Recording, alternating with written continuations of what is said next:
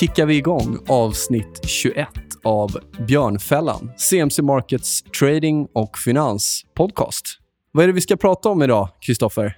Ja, vad heter du för det första? Ja, jag heter Nils Brobacke. Jag är analytiker här på CMC Markets, för er som inte redan känner till det, och min kära kollega. Som heter Kristoffer och jobbar med typ samma sak, eller egentligen samma sak. I alla fall, vi Yes. ska prata om eh, lite allt möjligt idag. Vi ska prata om korrelation. Positionshantering, Pos- eller hur? Ja, korrekt. Något vi eh, ofta pratar om, men vi har fått en Vi kanske ska säga det, det är ett frågeavsnitt. Ja, Yes. Och det kommer in mycket frågor även fast vi ofta eh, pratar om, eller har pratat om de här ämnena. Då. precis. Det blir eh, lite bettingbolag. Det blir... Spel och betting. Ja, korrekt. Mm. Spel och betting. Sen blir det ett eh, företag som är i ropet just nu, nämligen Eltel. Just det. Och sen så kommer vi faktiskt få reda på om det här är ett radioprogram eller vad det här egentligen är för någonting. Och så pratar vi lite cash. Ja, Hur ska vi cash tänka? som placering, eller vad vi nu ska säga. Känner du dig redo? Jag tror det. Då kickar vi igång.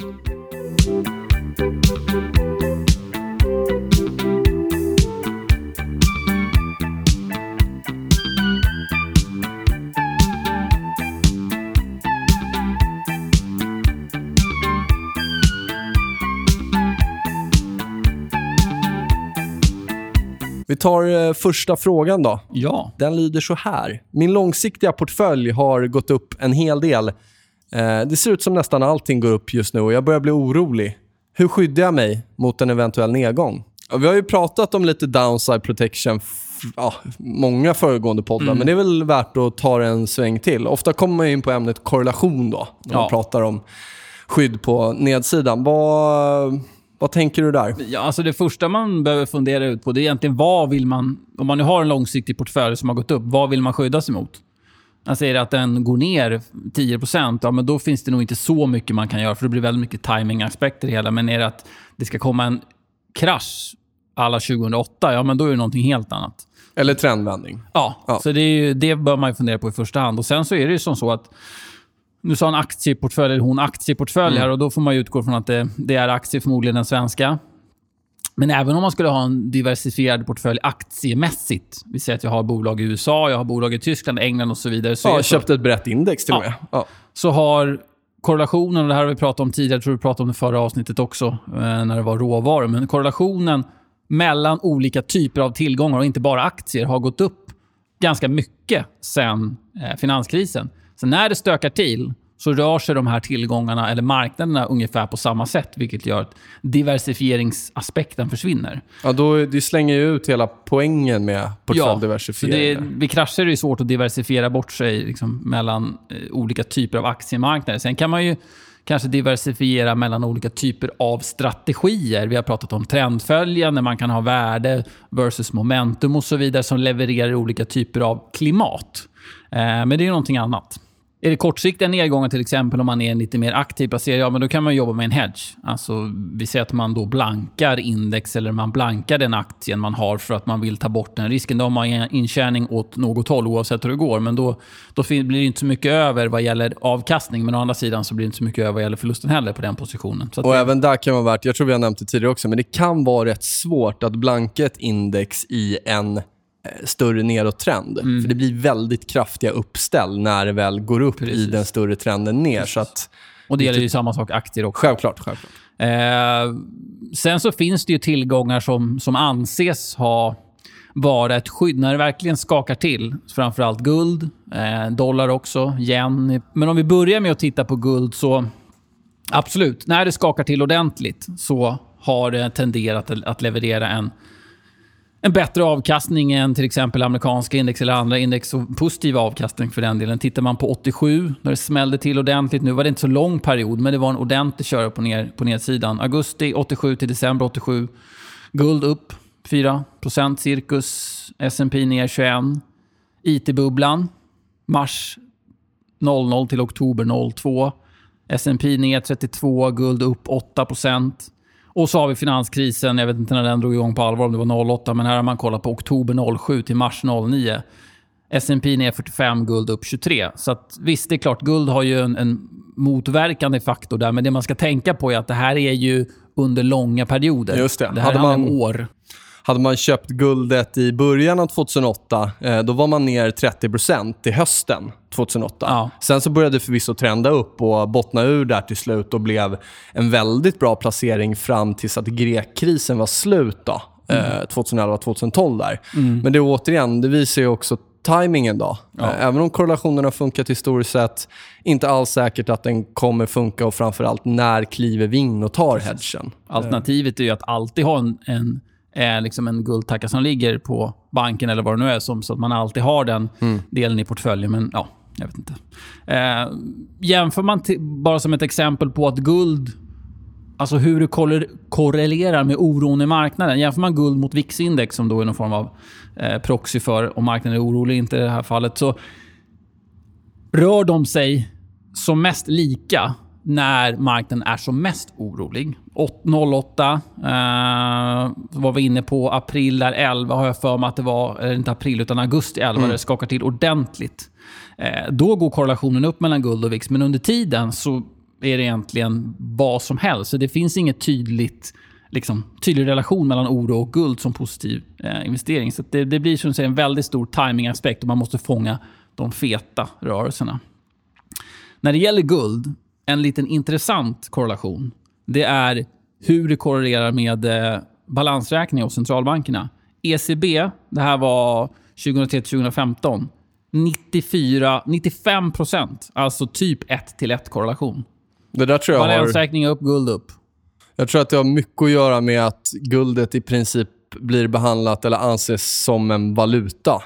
Med tanke på eh, ja, de här otroliga stimulanserna som har varit. Och Jag tror att vi var inne och pratade lite om det med Anders också, Ja, i det avsnittet. Så att, eh, och där ser man ju tydligt att det, det har ett klart samband. Då. Mm. Nu är frågan om det fortsätter. Kommer den korrelationen bestå eller har vi en förändring där? Kommer den korrelationen försvinna? Då? Så att det, Tittar man på Feds balansräkning så är det typ 80 Så den ligger lite lägre än mot ECB, men fortfarande sjukt hög korrelation. Så att marknaden blir lite orolig eller tar höjd för att de exponerar sig mer centralbankerna. Dollarn är ju den andra. Eh, tillgången även då japanska yenen som anses vara då safe haven, det vill säga en säker plats när det hettar till.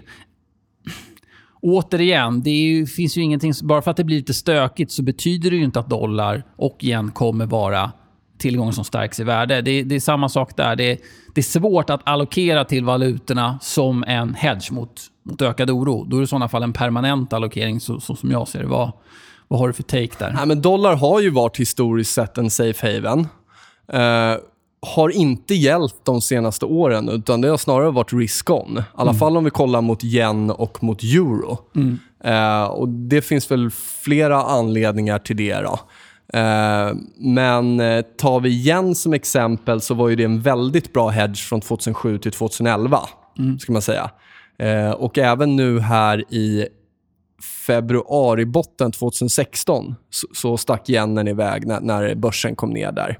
Men då blir det återigen väldigt mycket timingaspekt i det hela. Och, och det där är, jag skulle säga att uh, man bör ändå handla varje enskilda graf eller pristillgång på, på den enskilda grafen och inte dra för mycket slutsatser om korrelation. Då. Eh, Men sen, det är klart att vi ser att det funkar från och till och vi, det blir i alla fall någon typ av skydd, men eh, att basera hela sin diversifieringstänk eller risktänk på historiska korrelationer, det är farligt. Det är många som har bränt sig eh, på det. Och inte bara vanliga traders, utan eh, placerare. stora fina firmor och duktiga placerare. Och Sen är det så, USD och IP är ju safe haven så länge marknaden anser att det är det. Om det blir en obligationssmäll i USA, ja, då kanske inte dollarn är safe haven längre. Eller i Eller i Japan. Japan. för den delen. Jag tycker ett bra alternativ eh, det är att titta på USAs tioåring. Mm. Långa räntan. Eh, bottnade ur 2007. Eh, precis som yen där så gav det ett riktigt bra skydd fram till 2012 då den toppade ur. Även nu i februari botten 2016 som jag nämnde så var det ett bra skydd där från den, den nedgången som skedde dit. Återigen, det kan bli en skillnad där. Även om det historiskt har sett ut så att eh, eh, den pristillgången eh, genererar positiv avkastning när börsen är ner så skulle vi kunna ha ett scenario där aktiemarknaden kraschar men även obligationsmarknaden kraschar. Ja, ja. det vet vi inte än fast Många tror att det är obligationsmarknaden som kommer leda till aktiemarknadens krasch. Just det. Och är det då USA som kraschar, då kan en tioåringen vara lite utsatt. Ja, vad... Vad ska vi sammanfatta där? Handla varje pristillgång på sin egna graf kanske? Ja. Och... Hade du något mer du ville... Nej, inget mer jag vill tillägga där. Ska Ja. man diversifiera så som kanske mer diversifiera mellan olika typer av strategier. Mm. Och det har jag sagt också förut, men min, min take på det är diversifiera, och det är ju förvisso strategier, men diversifiera på tid. Ja. Handla trender i olika pristillgångar på tids, ja, med tidsdiversifiering. Det vill säga kortsiktigt, medellång sikt och lite längre sikt. Då. Jag tror att, att få en edge eh, där är betydligt lättare än att ha en, en stor portfölj med olika pristillgångar som inte ska korrelera. För att som vi sa, när det väl smäller, eh, då börjar allt korrelera. Och sen kanske ha, som du sa också, en liten del liten del guld i portföljen, liten del trendföljande, liten del valuta. Så då kan man ju alltid börja öka på det när man ser att det börjar generera positiv avkastning. Mm, exakt. Ja, då går vi väl vidare.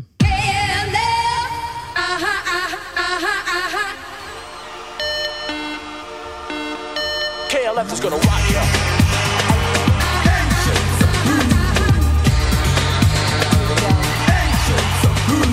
Ni pratar ju ofta kring risk och positionshantering. Hur ska jag tänka rent praktiskt? Bra fråga. Vi har ju varit inne Ja. på det x antal gånger. Jag tror till och med vi har ett avsnitt som är helt dedikerat till det. Mm, nummer fem. Storleken har betydelse. Heter gärna tillbaka- avsnittet, ja. ja. Eh, Storleken har betydelse. Går gärna tillbaka och lyssna på det då. Ja. Men Ja. vi kan ju dra det ganska enkelt. Absolut. Eh, man kan ju göra det här mer eller mindre komplicerat, men om vi ska hålla det simple. Tänk så här. Hur mycket, man utgår från vad jag är beredd att riska av portföljen i procent. Tumregel, 1, max 2 procent. Ganska, eller väldigt vanligt. Okej, vad innebär det i kronor räknat? Har jag 100 000 och ska riska 1 procent, ja, då innebär det att jag max får förlora 1000 kronor på min position. Sen, det viktiga här, innan man går in i positionen så behöver man ju veta vad man ska gå ur när det går åt fel håll. För att om man inte gör det, då blir det svårt att hantera risken. Då blir det väldigt mycket känslor och så vidare involverat. Men vet jag att vid den här nivån vill jag gå ur, då kan jag också räkna ut... Hmm, nu ska vi se så det blir enkelt, det är svårt i poddformat. Men vet jag avståndet mellan ingång till stopp så kan jag på ett enkelt sätt räkna ut hur stor position jag får köpa eller sälja för att inte överskrida med risk. Det vill säga, jag tar det jag vill sk- riskera, i alla fall 1000 spänn, delar på avståndet, då får jag storleken på positionen. Och framförallt så eh, minskar risken att man stirrar sig blind på ett eh, monetärt belopp och sätter stoppen därefter, vilket nästan alltid re- resulterar i att man blir utstoppad. Då. Eh, och antagligen ligger för tight för att man har tagit för stor positionsstorlek. Istället utgå från grafen, eh, sen lägga på hur mycket vill jag som max förlora och sen då bestämma positionsstorleken efter det. Och Det är jättemånga som börjar i den andra änden. Och det man tar position och sen börjar man fundera på, okej, var ska jag gå ur om det går åt fel håll? Men det är bättre att ha det klart för sig innan. kanske. Det som är bra med en procent är att när kontovärdet går upp så ökar vi lite och när kontovärdet går ner så minskar vi lite.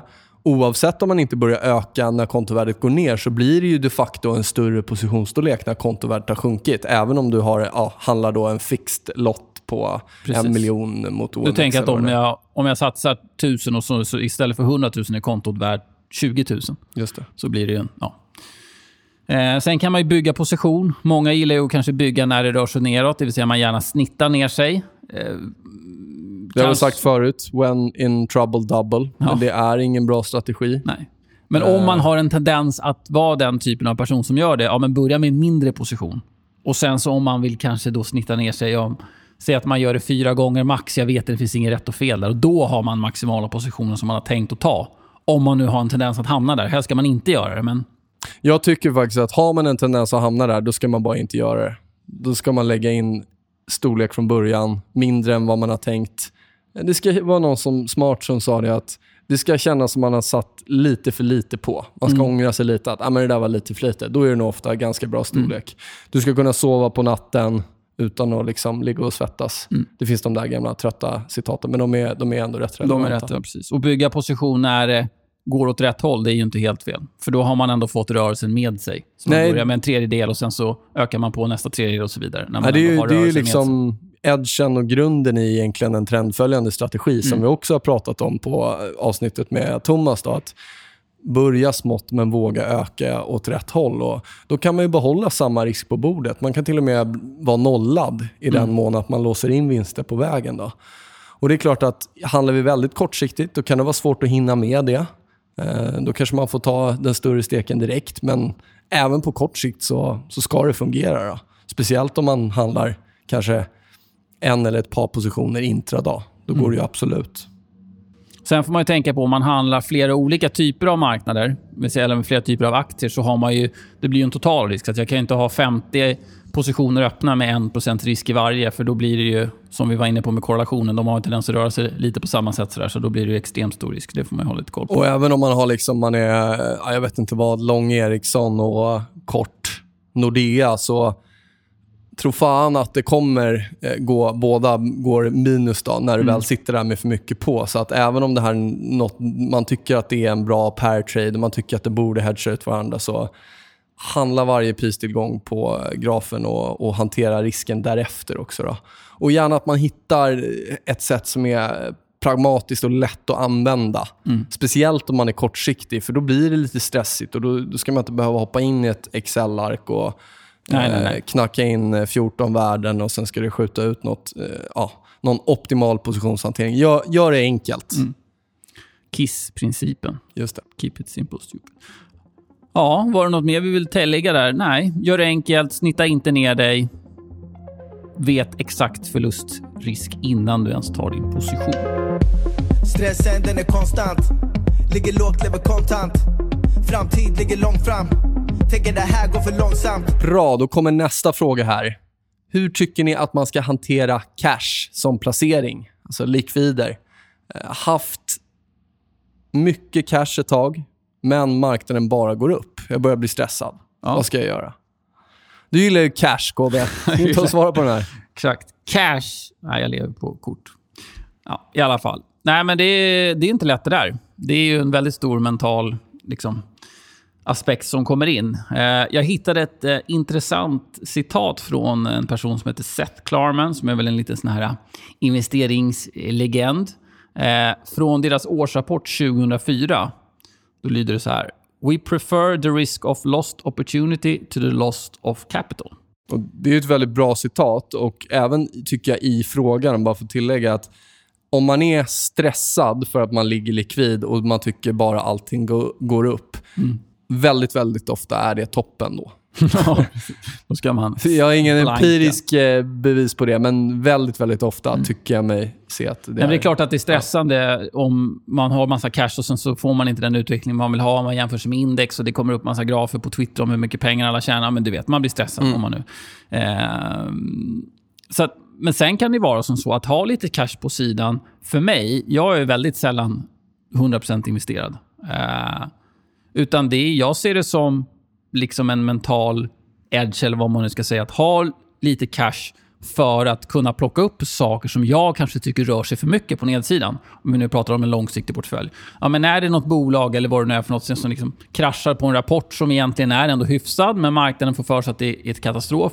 Ja, men då kan jag plocka upp den. Ligger jag 100% hela, hela, hela tiden så har jag inte den... För mig så blir det nästan en stress, stress att inte ha något liksom manöverutrymme. Och när det går snabbt också. Om vi tittar Brexit, vi tittar Trump, tittar februari botten att, att ha de här pengarna tillgängliga. Det är betydligt enklare då att kliva på någonting och man kan börja smått också då än att behöva börja sälja av i portföljen. Saker som har gått ner eller eh, man kanske fortfarande vill behålla. Då. Så där håller jag med. Absolut. Alltid en del cash. Men sen blir det ju, det blir nu när det liksom bara tuggar på uppåt, framförallt de amerikanska indexen gör all time highs hela tiden, det, det jobbar sig successivt upp. Ja, men då blir det en alter- alternativ kostnad i form av att jag missar avkastning och det tror jag det stressar många. Sen ska man också vara tydlig med det att, att ligga likvid eller i cash, det är ändå en placering. Ligger vi likvid i kronor, då gör vi ett bett på kronan gentemot andra placeringar. Och förvisso, ja, det behöver inte eh, röra sig så mycket och man kan säga att ja, jag har min köpkraft i Sverige så det spelar ingen roll. Men det är ändå en placering. Det blir det ju. Och blir det, skulle vi någon gång i framtiden få lite inflation, ja men det har ju en negativ effekt på det hela. Eh, så att absolut, visst är det så. Eh, sen är det ju liksom hur mycket, vad är en stor andel cash? Det är ju svårt att säga på. Har man 3 cash av sin portfölj, ja, men det gör ju varken mer eller mindre. Utan det, det får väl vara kanske lite större, 15% Jag vet inte, jag har inte gjort någon större undersökning kring det. Men man gör ju ett bett på, på liksom att man ska kunna komma in bättre i marknaden, så det blir en timingaspekt. Har jag inte tid att sitta och försöka tajma marknaden, leta överreaktioner och så vidare, ja, men då är ju kanske alternativet att vara mer investerad det bättre. För att jag kommer då säkert uppleva en stress över att okej, nu måste jag göra någonting med de här pengarna. Och så börjar man leta lägen bara för att kanske gå in i någonting när man egentligen inte har tiden och det egentligen inte passar en. Buffett har ju en rätt skön eh, syn på det där med cash, Mm. tycker jag. Han har väl i alla fall tid. Ja, det har han ju absolut. Han har ju även Cash. medel. Då. Men eh, han ser det som en, egentligen en köpoption på alla marknader. Precis. Utan löptid, utan lösenpris. Precis. Och du hade även kollat lite va, på hans cashuppdelning, va? Hur det Ja, under det här var från liksom 2016, det senaste året där 2016. Om man 06, då hade han 40 billion dollars in cash, eller Berkshire. Eh, 2017, 26. Eller förlåt, 76. Men det intressanta här var att från 14 till 15 så ökade det från 48 till 63 och sen nu 76. Han har en väldigt stor eh, stor pott att leka med. Sen så får han ju utdelningar och så vidare från alla bolag, men uppenbarligen så återinvesteras de inte i full takt. Han har ju förmodligen tagit då ett bett, eller väntar in bättre lägen. Marknaden är lite stretchad, ja, men då vet jag av min erfarenhet att det kommer komma en rekyl, men då har jag lite krut att gå in i marknaden om det nu skulle vara att det blir så. Blir det inte så, fine, då tjänar jag pengar på mina investerade, Just det, exakt. investerade belopp. Liksom. Ja, jag tror att vi rundar av frågan där. Som sagt, är man långsiktig, alltså lägga i byrålådan och titta om 20 år, men då behöver man inte hålla på med sådana här saker. Fördela mellan cash och så vidare, tycker inte jag. Utan det blir nog mer ett stressmoment. Men om man är lite mer aktiv, lite mer kanske intresserad som du och jag är, då kan det absolut vara ett bra läge att hålla lite cash fram och tillbaka.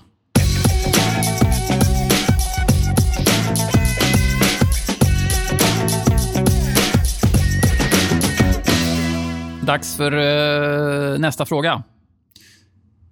Här är ett bolag som det har pratats om en del de senaste dagarna av förklarliga skäl. Inte bara senaste dagarna, va? Utan... Nej, ju faktiskt, de har ju vinstvarnat x antal gånger här närmaste månaden. Så ett tag helt enkelt. Vilket bolag är det? Eltel. Ponzi Scheme eller årets köpläge? Fråte- Frågetecken. Var det frågan? Eh, ja, Ja. Vad tycker du? alltså... Jag vet inte riktigt vad jag ska säga. Nej. Eh, jag, Men någon take har du säkert. Ja. ja. Alltså bolaget noterades 2015. Rapporterna första året har jag för mig var helt okej. Alltså, Även början 2016 har jag för mig var helt okej. Eh, sen så kom det ju lite grejer kring dem. De har vinstvarnat tre gånger på fyra månader. Det är väl extremt, va? Ja, men det är ju helt sjukt. Ja. De kommit med en ny emission nu. Eh, när de noterades, dels så var de ju riskkapitalägda. Det var ett jättebrett täckningsintervall. Det vill säga lägsta högsta kurs var typ 25% eller liknande. Eh, ledningen fick jättemycket bonus, flera hundra miljoner. Som man dock har stoppat nu till förra vdn som sa upp sig i sommaren 20, under sommaren 2016. Så man frös den bonusen? Ja, ja. man vill väl undersöka här nu vad är det som har hänt. Varför gör man det? För att de har... Eh, Cooked the books, ja, lite misstänker window man. dressing. alltså. Ja. ja. Misstänker man. Det är inget Precis, oklart. det är inget ja. klart. Eh, det är lite roligt. DI hade en... Eh, när det noterades 2015, teckna aktien och sälj direkt. Var, det förklarar... Det var Men det kanske kring- var rätt bra. alltså. Absolut, det var det. Nu Ja. gick den inte upp så mycket på noteringsdagen tror jag, men i alla fall. Nej, men det som gör mig lite så här... eh, Dels så är det ju... Man ska säga att de här hade ju stora ägare i ryggen som alltid när det kommer noteringar. Så det var inga... Det borde ju vara ägare som kan räkna på bolaget och så vidare. Så när såna här dyker, saker dyker upp så är det ju... Vill man koka boken så kan man göra det.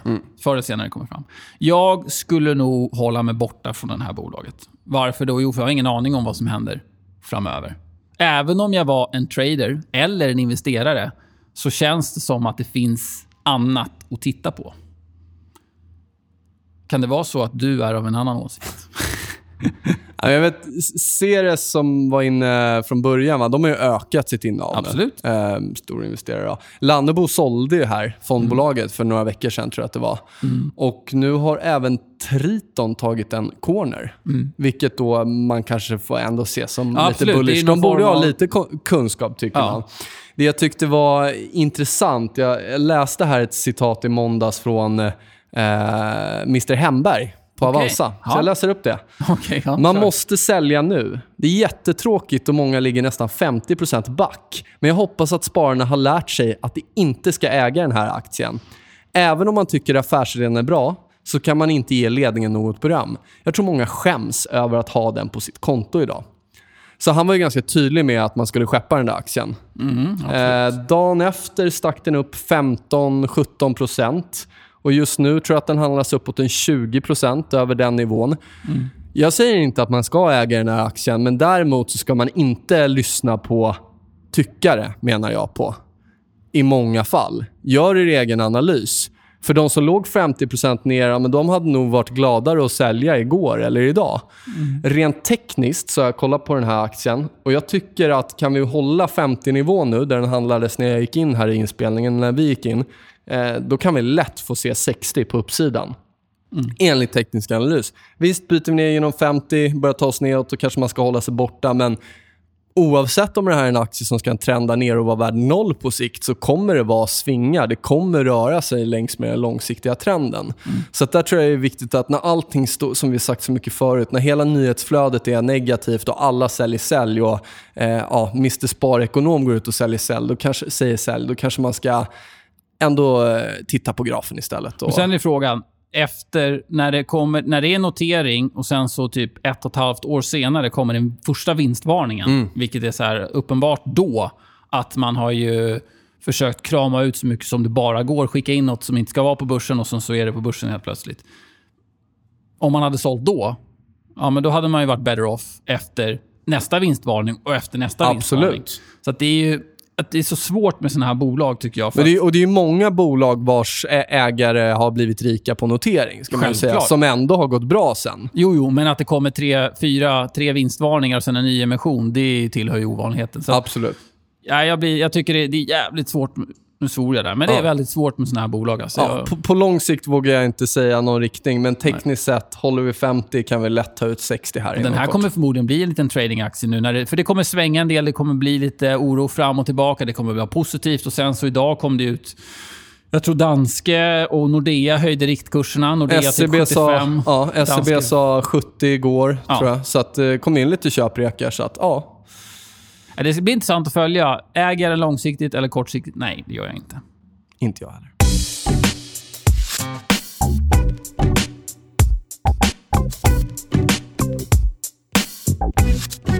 Nästa fråga. Topp tre av de frågorna vi har fått in. Varför lägger ni in massa musik? Ni är väl inget radioprogram?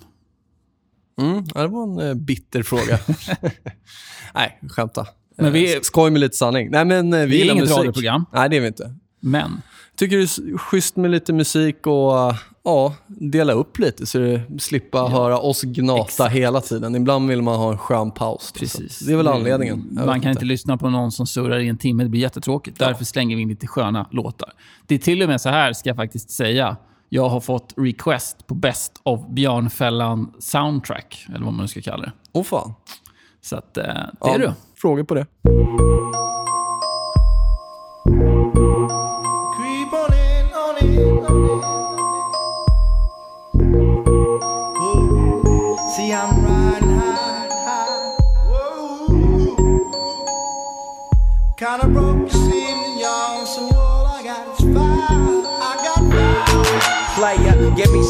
Nu var det slut på frågorna, eller hur? Ja. Ja, men vi har en, eh, ett litet ämne till. Precis. Betting och, vad ska vi kalla det, nätkasinomarknaden. Ja, vi har ju både spelbolag och producenter av spelen och så vidare. Det är en eh, sektor som är extremt het. Många svenska bolag som har fina värderingar och gått upp mycket. Då. Precis. De sitter ju dock inte i Sverige. Nej, och det har väl varit lite diskussioner kring varför de inte gör det. Nej, det är inga diskussioner kring De får inte sitta här. Det är rätt tydligt, Ja. va?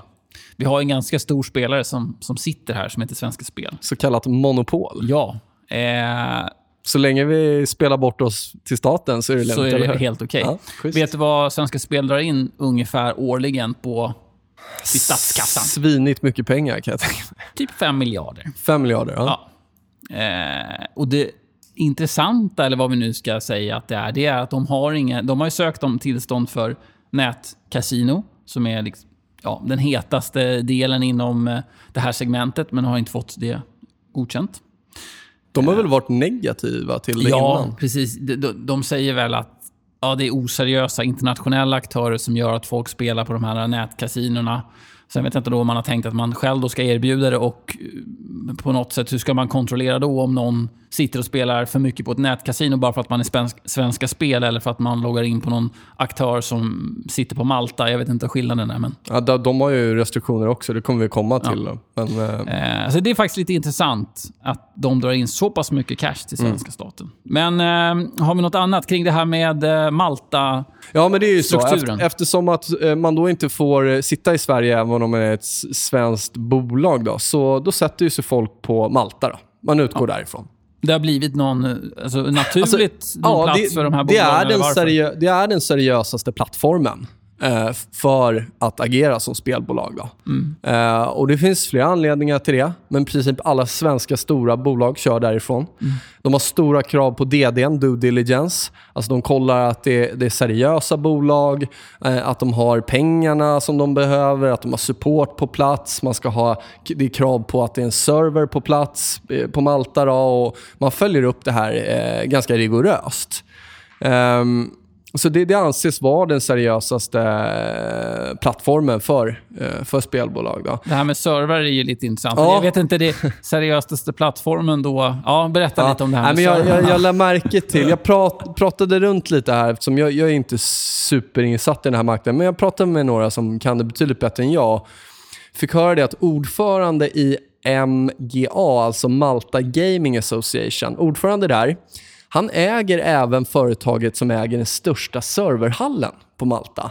Och det är även där som alla företag rekommenderas att sätta upp sin eh, låda då, eller setup. Ja, det känns ju inte alls märkligt. Och jag vet inte hur det var, men han var ganska förmögen också. En av de förmögnare på den ön. Så det var lite, det var lite kul. Eh, Så Malta är, det, det är seriöst, men det förekommer... Du ska använda min serverhall för den är bäst. Annars får du den här ja, jag skitservern. behöver inte säga för mycket där, men det, det är väl... eh, Det är väl, Det är vad det är, fortfarande, helt det är väl fortfarande inte en mogen marknad och därmed så, ja, så blir det väl så här. Speciellt, man kan ju ta fler exempel när, när svenska staten gör det omöjligt att bedriva verksamhet på hemmaplan. Ja, Men då, då flyttar man till något annan, någon annanstans. Så Det Exakt. finns ju fler exempel på det. Alternativ då? Curacao, den härliga lilla... Det är väl Västindien va? Ja. ja. Skulle man Eh, ens kunna ha en stor serverhall där? Nej, jag, jag vet inte. Men det, det, det, är väl det, det är väl det lite oseriösare alternativet i alla fall. Ja. Eh, så många mindre bolag kör därifrån. Eh, men det pratas om att det kan komma att strypas här inom inte allt för eh, lång framtid. Då är setup att man, man har låda på Cur- Curacao och sen så har man någon, eh, då någon koppling via Malta. Då. Eh, men det där kan komma att strypas och eh, det gör ju att eh, de bolagen antagligen får söka sig till inom situationstecken seriösare plattformar då, att utgå ifrån. Estland har försökt att ta sig in på den här marknaden och, och eh, konkurrera lite med Malta. Men, eh, och det ses ändå sen seriöst, men alldeles, alldeles för dyrt för att sätta upp låda där. Eh, så de har inte tagit någon andel direkt. Vad finns det för hot mot den här marknaden? Jo, reglering på EU-nivå. Eh, Det är klart vi ska inte sticka under stol med att det finns stora risker med, med spel Absolut. och eh, kommer till det senare. Men eh, största delen av omsättningen är från ett väldigt få antal personer då, som spelar. Och det är inte bara svenska spelbolag som tjänar mycket på det här. Så Självklart England har inte. ju det Självklart inte.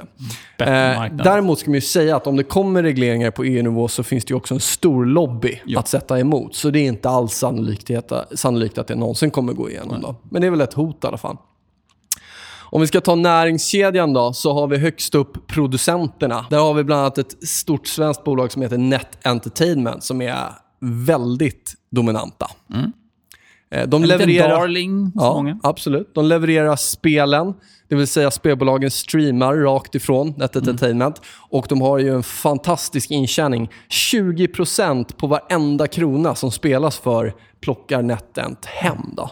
Och de lever bara på, vad ska vi kalla det, flöden. Ja, säga. så de skickar är- en faktura i slutet av månaden. Oavsett om spelbolagen ja, har, har tjänat eller förlorat så ska det skickas 20%. eh, Så det är en jäkla trevlig Mm. intäkt såklart. Vi har även ett, ett annat bolag där, Evolution Gaming Group, som sysslar med liknande saker. Då. Så de, har, de kör live-kasinon. Ja, De filmar stämmer bra. kasinospel. Det är deras edge där, tror jag. Jag tror att de har faktiskt en väldigt stor, nu pratar de om Estland Mm. men de har en väldigt stor del av sin... Jag tror all film och allt sånt där görs på, om det är, det Lettland. Ja, ja. Ehm, Det låter väl rätt smart. Eh, affiliates, nästa del. Eh, aktörer som samlar volym till spelbolagen och så plockar de en present där, skär emellan producenten och spelbolagen. Det här var tidigare aktörer som var jättestora under pokerboomen. Samlade stora spelare, bra volym, kunde skära emellan. Sen, inte dog den marknaden, men den men försvann känns ju ganska att det- mycket det kom ju in så pass många duktiga professionella spelare där så att det, det blev inte lika hett att spela poker Det var längre. väl till och med så att såna här pokerset var årets julklapp något år, liknande, har jag för mig. Jag tror det. säger en del jag tror det. Eh, och de har i alla fall snurrat om nu till den här eh, nätkasinoverksamheten. Då, så att eh, det är en aktör. Och det här är ju klart att det påverkar ju intjäningen för spelbolagen som kommer sen. Mm. Vi har till exempel Kindred Group där Unibet ingår. Då. Eh, även Betsson. Mm. Här är stora... Det var någon som sa tröga, fat and happy som... eh, Ja, men de har haft lite tufft. Ja. De, ut, de liksom... De, jag vet inte om de har somnat in, men de... Ja, man har väl ifrågasatt lite framtida verksamhet och så Ja, vidare. personen jag frågade mig jämförde dem lite med, med storbankerna. Att man kanske inte har varken samma incitament eller möjlighet att förnya sig och utveckla produkten och så vidare. Och så vidare.